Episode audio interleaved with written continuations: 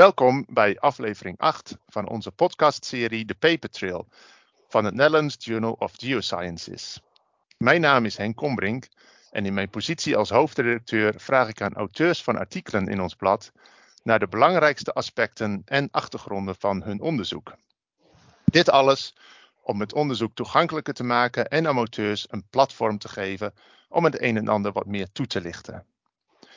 In deze aflevering praat ik met archeoloog, archeoloog Jan Verhagen. Hij heeft onlangs samen met zijn co-auteurs Sjoerd Kluiving en Henk Kars een artikel in het NJG gepubliceerd onder de titel The Option of Roman Canal Construction by Drusus in the Vecht River Area, the Netherlands, a Geoarchaeological Approach. Welkom Jan. Dankjewel. Um, ja, hartstikke leuk dat je, dat je mee wilt doen aan deze podcast. En, en dit is een heel interessant onderwerp. Um, voordat we wat beginnen over, uh, te praten over de kanalen die de, de Romeinen wellicht hebben gegraven, um, was ik wel benieuwd hoe je, hoe je eigenlijk bij dit uh, onderzoek, dat volgens mij onderdeel is van je promotieonderzoek, bent beland. Want je, je bent inmiddels je bent geen jonge PhD-student meer. Je hebt al heel wat gedaan. Ja, ik ben uh, inmiddels 72 jaar. En uh, ja. de archeologie is nog steeds boeiend voor mij. Ja. De bodemkunde ook overigens hoor, maar ik, uh, ik ben archeoloog. overigens ben ik dat nog niet zo heel lang. want ik ben in de jaren 60 en 70 opgeleid als bioloog in, in Nijmegen. En heb ja. daarna hier in Zevenaar, waar ik woon, in het voortgezet onderwijs gewerkt als biologieleraar. Maar ik kwam ook al vrij snel in de schoolleiding terecht. Dus dan word je manager. Dan krijg je allerlei andersoortige taken uh, op je bordje. En dat heb ik altijd met, uh, met veel plezier gedaan. Uh, wel, uh, ja, ook heel verschillende taken. Dus, dus onderwijskundige in eerste instantie, maar later meer op het vlak van personeel en organisatie. Ja. En ja, in de tussentijd had ik een hobby als archeologie gekregen in, een hobby in de archeologie. En dat kwam doordat bij een uh, vriend, een amateurbioloog van mij hier in Zevenaar, ja, daar zat wat in de grond. En daar zijn we gewoon een keer een gat gaan graven. En daar haalden we meteen een uh, Romeinse bronzen haarnaald tevoorschijn. Oh. Na de hand nooit meer zo'n ding gevonden, maar toen was de interesse gewekt. En zo ben ik, Nee, een, een, een haarnaald, zeg maar, zo'n lange pin. Oh, zo'n lange. Waar ze, waar ze met een lapje leer, zeg maar, de vrouwen het haar konden opsteken. En zo vastzetten. Uh, uit, de, uit de vierde of vijfde eeuw, dus het eind van de Romeinse tijd. En ja, ja daarmee is, is eigenlijk bij mij uh, de hobby en later ook passie in de archeologie uh, op gang gekomen. Maar ja, in mijn werk als, als manager ja, kwam ik uh, ook, kreeg ik te maken met, met visieprocessen. Dus mijn school is toen met drie andere scholen gefuseerd tot een school van 3000 leerlingen. Ja. Meer dan 300 man personeel. Ja, dan ben je vaak wel 60 uur per week met die school bezig. En, en ik begon eigenlijk steeds meer te voelen dat, omdat de archeologie mij zo boeide, ja, dat het jammer was dat ik daar niet, uh, niet voldoende tijd had uh, om. om uh... Telefoon. had hem uit moeten zetten. Geeft niks. oh jee. moeten, moeten we opnieuw starten? Nee hoor, nou, je... Jan, we gaan gewoon lekker verder. Dat geeft niks. Okay. dus toen ja, besloten om het roer om te gooien. Ja, dus, dus uh, toen ik 55 uh, ging worden, toen kon je dan nog met FPU gaan, dus uh, vroeg pensioen. Dan kreeg je tien jaar lang 20% van je laatst verdiende loon. Maar dat was voor mij ja, mooi om het verschil in salaris tussen onderwijs en archeologie te overbruggen. Ja. Dus ik ben toen bij de gemeente Arnhem terechtgekomen als, als archeologisch medewerker. En daar heb ik van uh, eh, 2004 tot 2011 uh, eh, gewerkt. Um, dus, dus heel breed eigenlijk. Dus, dus uh, depotbeheer, maar ook onderzoekjes doen in het veld. Ja. Um, en al, allerlei andere bijkomende dingen. En op een gegeven moment kwam ik weer voor een keuze te staan. Ik, ik kon regio-archeoloog worden voor de regio's rond Arnhem. Maar het, het, ja, de inhoud boeide mij meer dan uh, ja, het, het, het, regelen van allerlei procedures.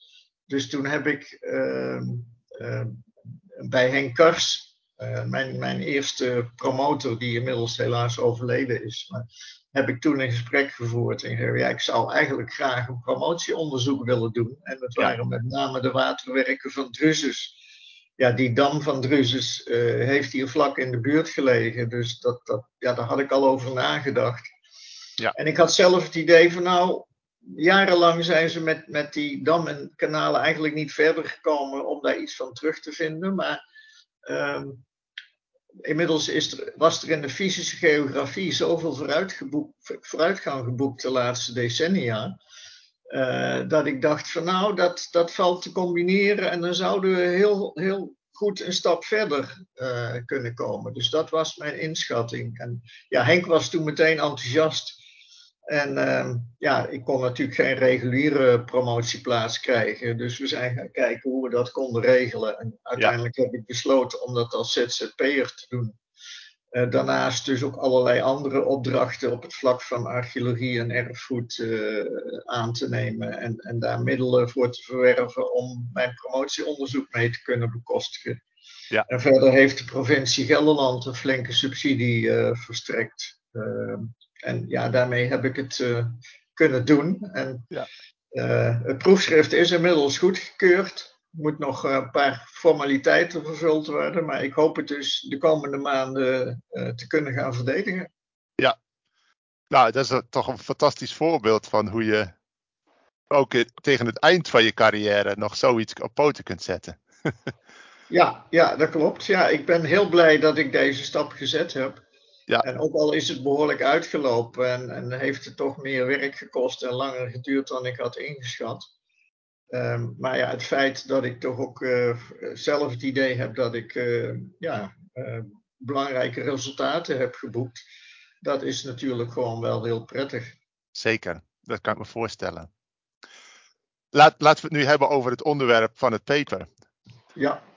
Um, voordat we echt ingaan op de kanalen, uh, kun je misschien even kort schetsen hoe zeg maar, het uh, rivierenlandschap van Nederland eruit zag in de Romeinse tijd, in de vroeg-Romeinse tijd?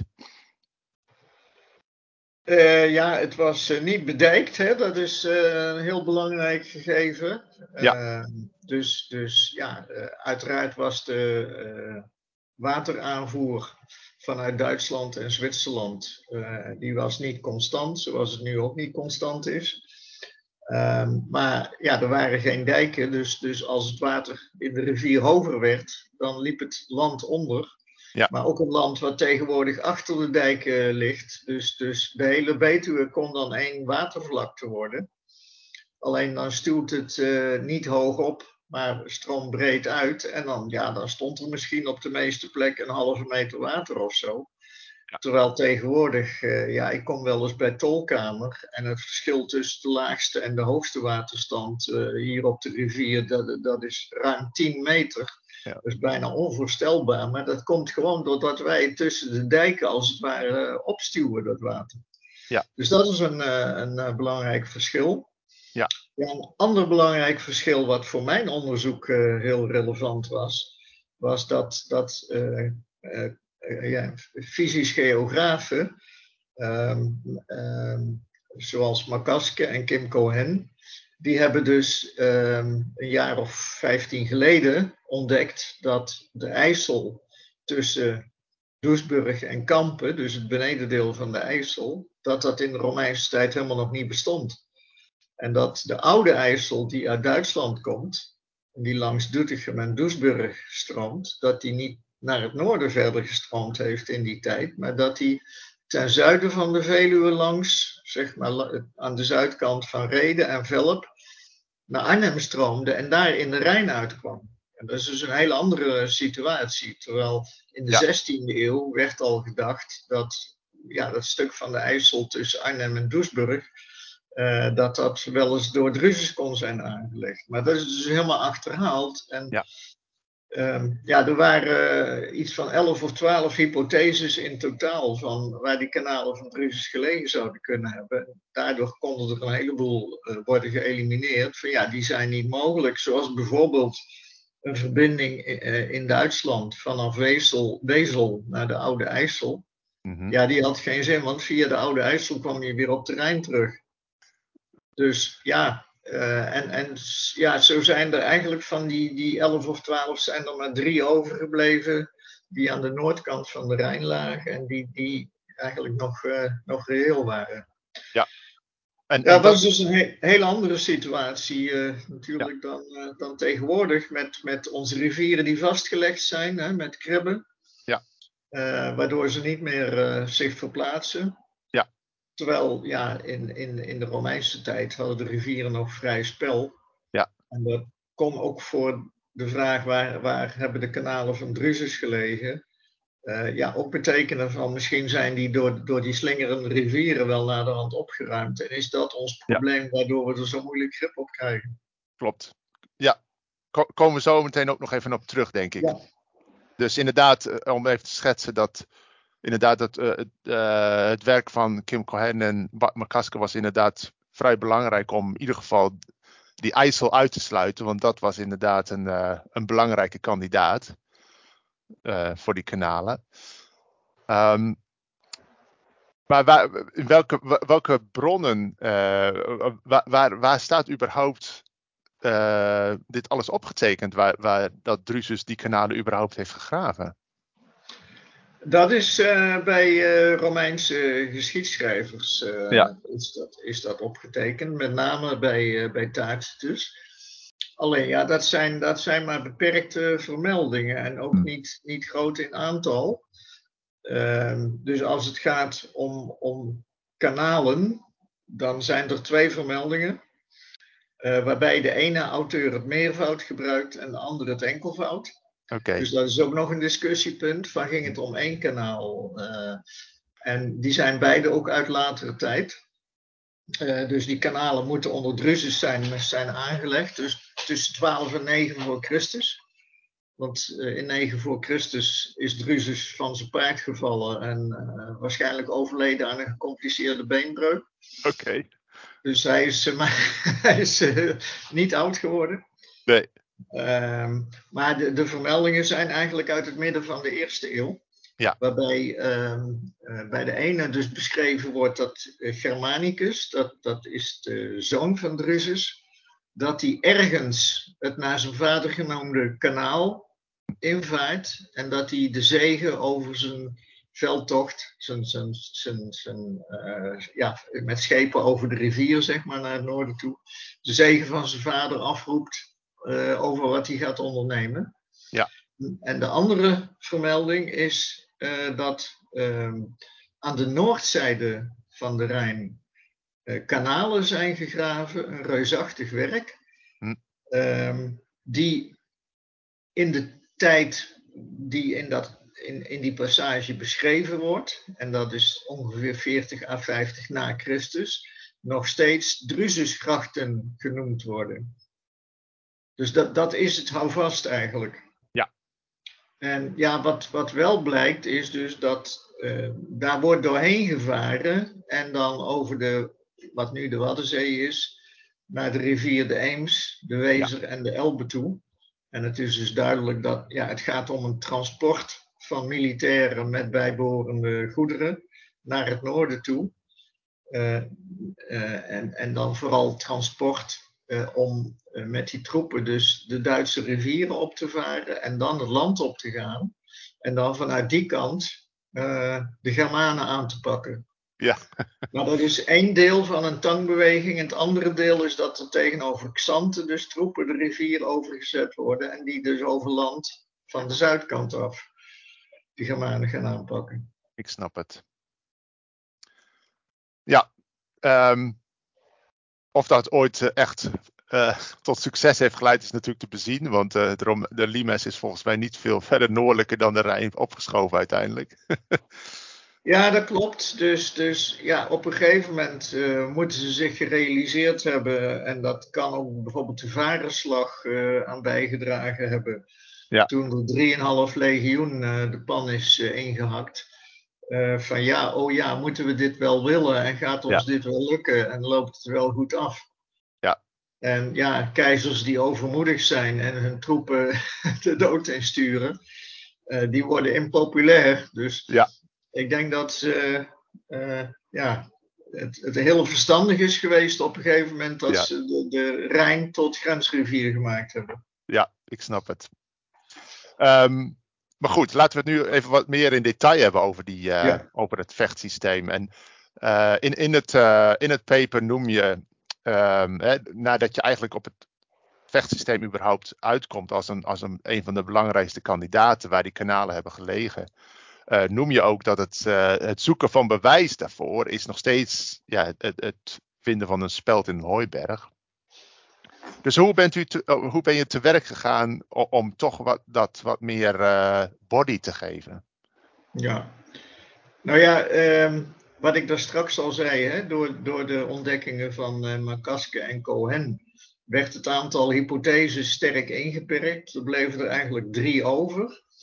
Ja. Eén ehm, daarvan is uh, de Gelderse Vallei, maar er is geen enkele aanwijzing dat er in de Romeinse tijd dus een geul of kanaal of iets heeft gelopen. Dus die optie is eigenlijk ook nooit door wetenschappers echt aangehangen. Ja. Um, en dan heb je altijd nog de mogelijkheid dat op de plek van de huidige benedenloop van de IJssel, dus ergens tussen Doesburg en Kampen, dat ze daar toch een kanaal gegraven hebben. Dat zou kunnen. Um, maar um, heel veel wetenschappers die gaan ervan uit dat de vecht een vaarroute is geweest in de Romeinse tijd. En dat lijkt ook vrij logisch, omdat de vroeg-Romeinse castella, uh, forten bij Velzen, ja, die konden natuurlijk veel beter via de vecht bereikt worden dan omweg via de IJssel. Ja. Uh, dus dat is erg aannemelijk. Dus, dus ja, op basis van het totaal heb ik geconcludeerd van nou, kansrijkste optie, dat is het gebied van de Utrechtse vecht. En vandaar dat ik dus ook heb ingestoken om voor wat betreft de kanalen van Drusus daar onderzoek te gaan doen. Ja. De andere poot van mijn onderzoek was de dam van Drusus bij de splitsing van Rijn en Waal bij het huidige Herwe en Lobit. Uh, maar dat is dus een verhaal apart. Um, maar ja, op dat moment wist ik van ja, de vecht is in mijn ogen kansrijk, maar ik had geen idee van of ik daar überhaupt een aanknopingspunt zou kunnen vinden. Dus ja. ik ben in feite in het, uh, in het diepe gesprongen.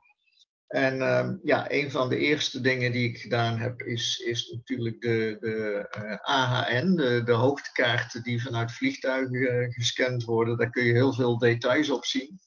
Dus kijken of ik daartussen alle natuurlijke uh, ja, rivierlopen die dichtgeslipt waren, die, die je in het relief als allemaal kronkeltjes uh, ziet, of ik daar eventueel kunstmatige elementen tussen kon vinden, ja. die uh, ja, mij aanknopingspunten zouden kunnen geven. Nou, dat bleek uh, niet het geval te zijn. Um, maar goed, dat was niet het enige wat ik deed. Wat ik ook gedaan heb, is me gewoon heel sterk uh, verdiept in uh, hoe het, ja, het vechtsysteem in elkaar zit. Uh, de vecht is als angstel ontstaan. En een stuk van de rivier heet tegenwoordig ook nog angstel.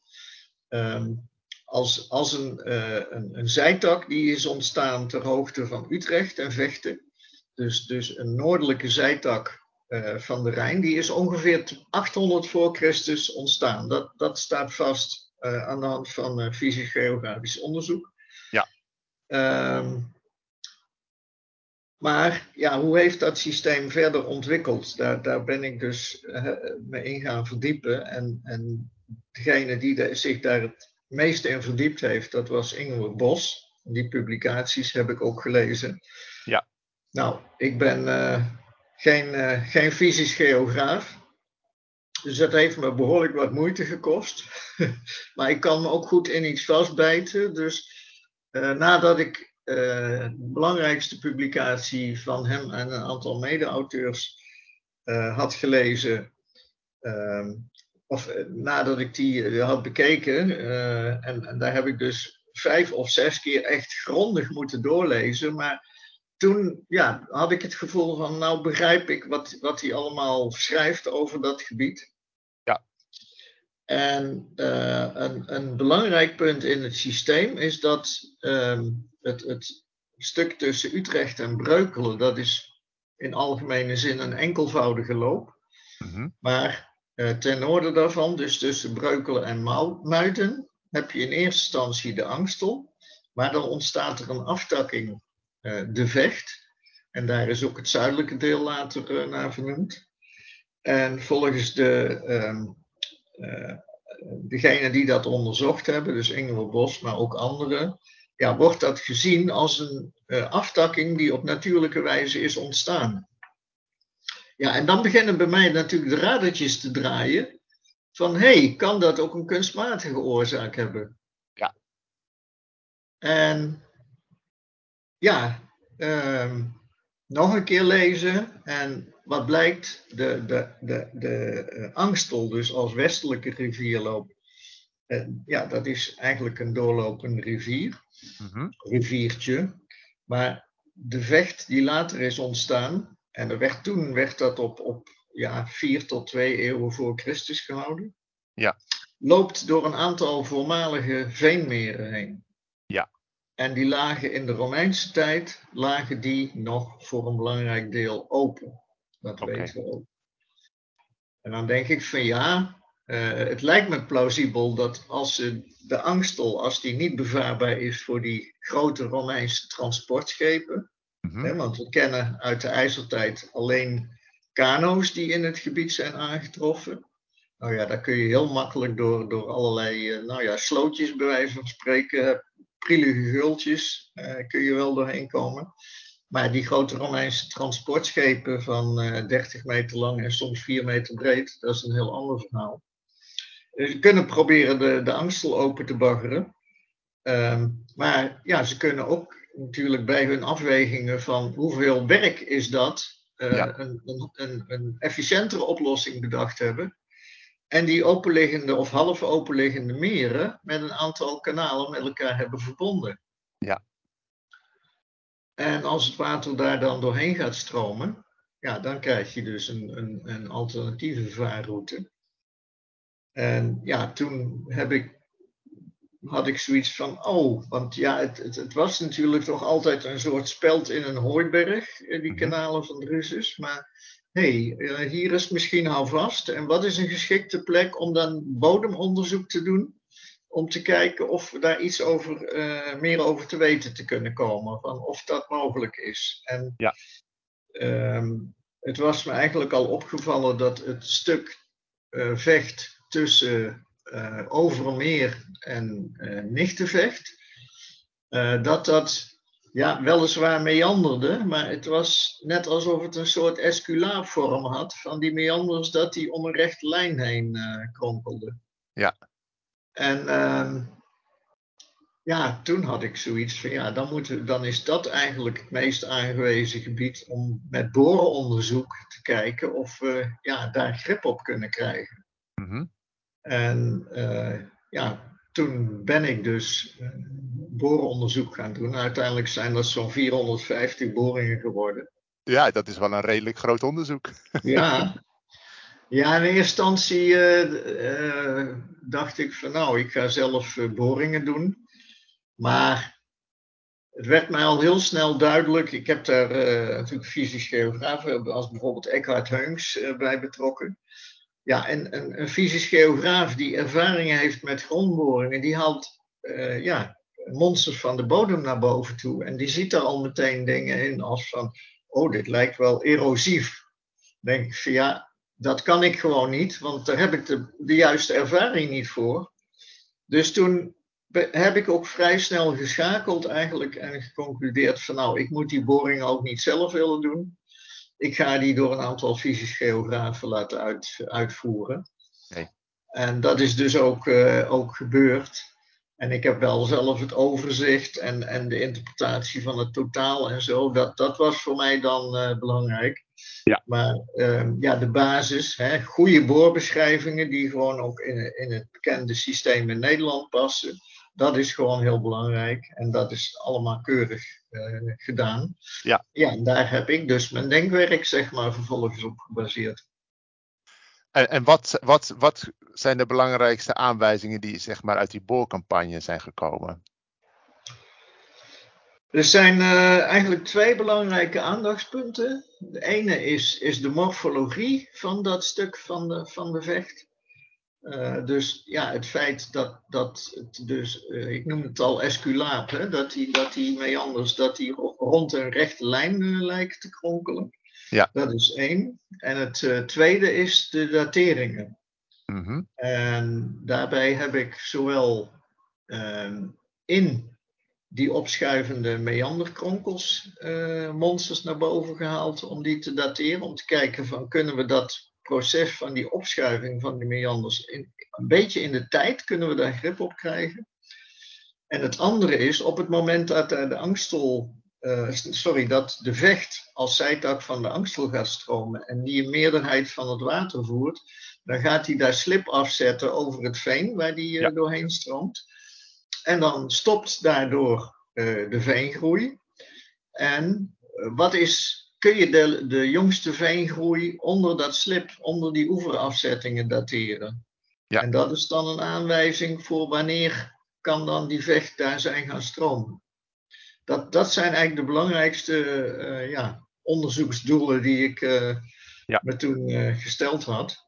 Ja, en, en wat uh, kwam er uit die dateringen? Is, uh, klopte dat met, met de theorie? Nou, dat, dat is uh, best lastig. Maar het is misschien toch beter om eerst even over de, de, de morfologie te hebben. Prima.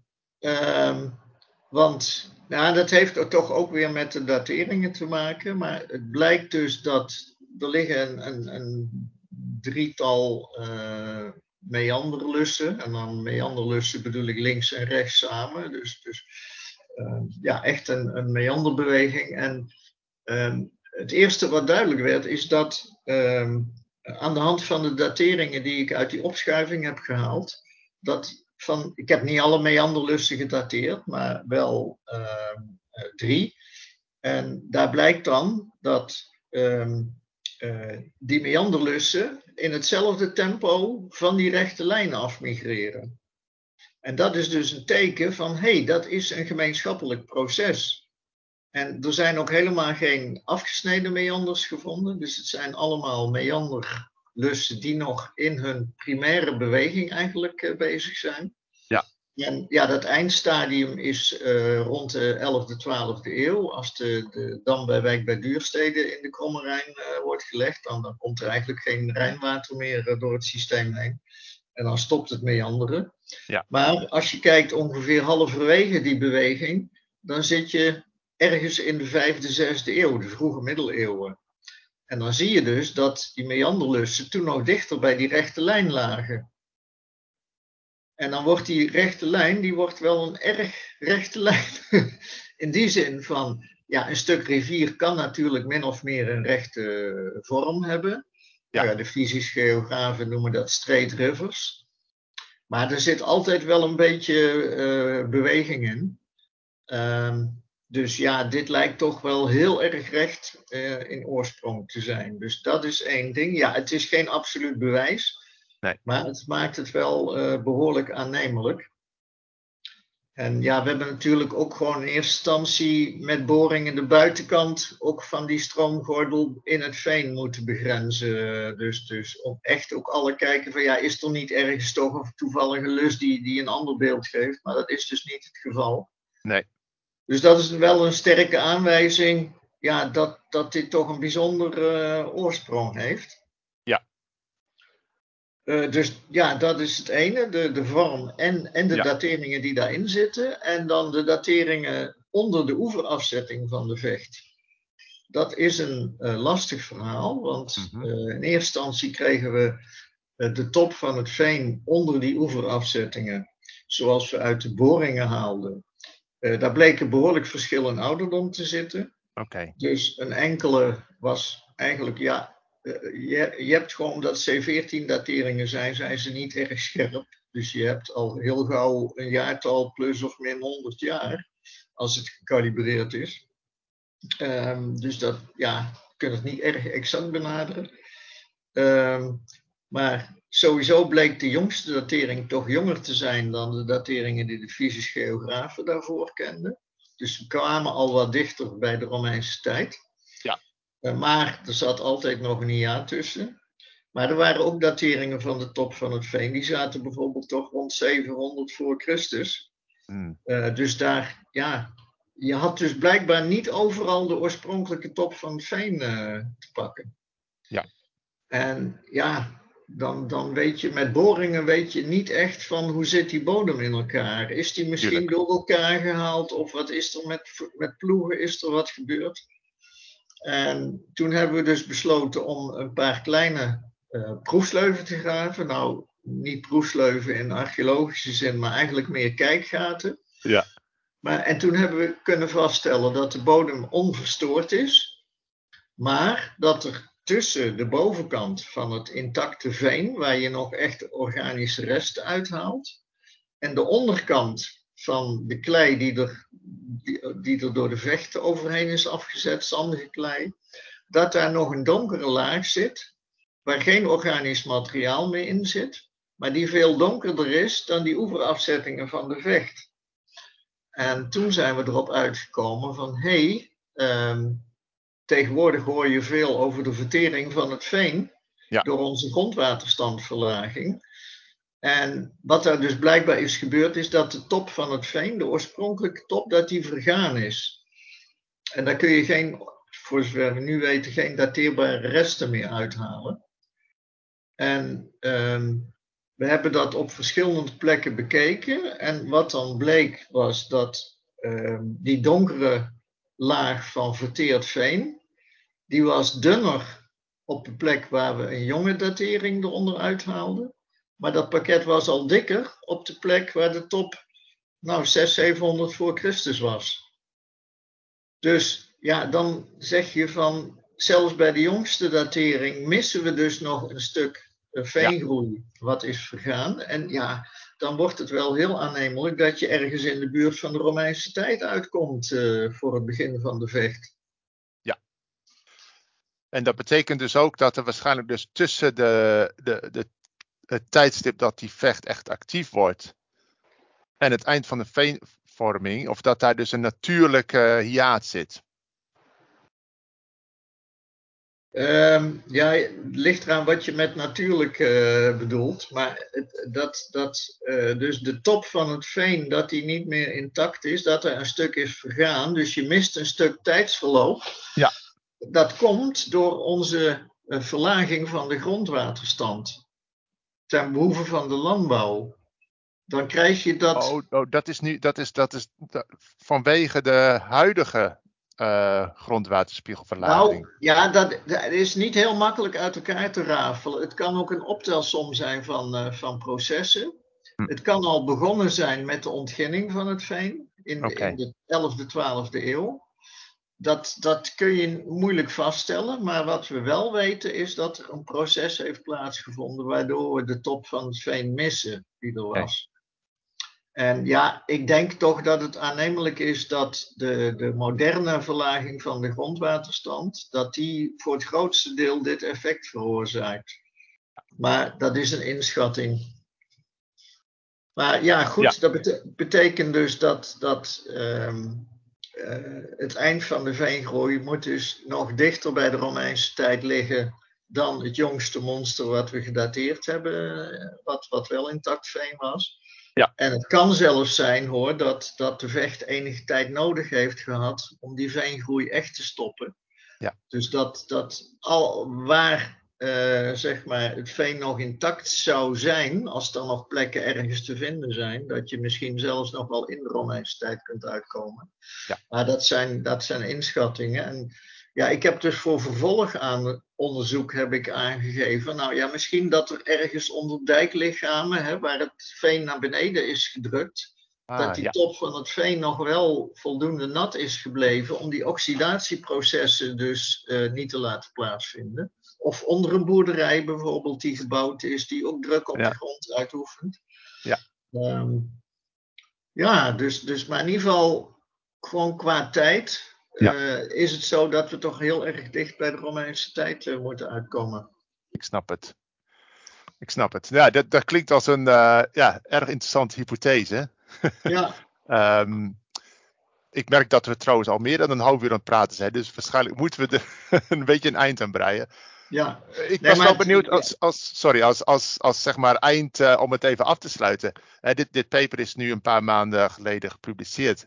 Wat, wat zijn de reacties geweest? Heb je reacties gehad van de buitenwereld hierop? Uh, nog, nog weinig, moet ik zeggen. Ehm, maar ik, ja, ik heb van tevoren ook in, in lezingen al, al zeg maar de resultaten al, al ja, wat aan mensen getoond. En ja, die reageerden heel, heel enthousiast. Zo van, ja, het is wel een behoorlijk monnikenwerk, maar, maar ehm, het, het, het, het zit wel goed in elkaar, ja. zoals je dat beschrijft. En, en ja, dat was voor mij ook gewoon als niet-fysisch geograaf natuurlijk uh, behoorlijk lastig om, om daarmee goed uit de voeten te kunnen en dat ook goed in, in een publicatie uh, te verwerken. Maar ja, met name iemand als Kim Cohen, die, die, uh, ja, waar, ik, waar ik nodig contact mee heb, die zei van nou, je moet er nog wel een hoop aan, aan bijschaven, maar de basis uh, is gewoon oké en de moeite waard om daar een artikel van te maken. En, en ja, dat is dus gelukt. En, uh, ja, uh, het, het, feit dat je een, een, vraagstuk, wat eigenlijk al vanaf de 16e eeuw speelt, omdat de, de, de toenmalige uh, historici en cartografen zeiden: ja, maar dat moet de IJssel tussen Westervoort en Doesburg zijn, dat is zo'n raar stukje rivier. Ja. Dat eigenlijk nooit opgelost. Ik denk van ja. Um, het is me gelukt om het in ieder geval een stap verder uh, te brengen. En, en ja, dat, dat krijg ik dus wel terug uit de reacties uh, dat dat gelukt is. En ja, we, zijn, we hebben nog geen zekerheid uh, over deze mogelijkheid, maar het is wel een heel stuk aannemelijker geworden. Fantastisch. En, en dat is hoe de wetenschap werkt, toch? Ja, zeker. Ja, ja. En sommige dingen zullen, want wetenschap gaat door. Dus na mij zullen misschien andere mensen weer ontdekken van ja, maar het zit toch nog weer net even iets anders in elkaar. Ja, is, dat is wetenschap. Eh. Klopt. Klopt. En, ja, uh, je ziet het uh, in allerlei takken van wetenschap, ook de medische wetenschap bijvoorbeeld. Allerlei bijzondere dingen die worden meestal niet in één keer gevonden, maar dat betekent allerlei werk, ja, heel veel energie en tijd insteken en uiteindelijk ja, leidt het samen weer tot, tot nieuwe inzichten. Klopt. Super, hartelijk dank Jan voor je tijd en voor de toelichting. Ik denk dat dit een hele ja, een leuke toelichting is op, op het paper. En, Dankjewel en ja, ik heb het graag gedaan, met plezier. Mooi. En uh, ik, je, je, vertelde net dat je nog deze zomer hoopt te promoveren. En uh, alleen nog een dankwoord hoeft te schrijven van het proefschrift. Dus heel veel succes daarmee. Dankjewel. Um, dit was aflevering 8 van onze serie The Paper Trail. Mijn naam is Henk Kombrink en hopelijk heeft u het een en ander opgestoken van dit interessante gesprek. Hopelijk tot de volgende keer.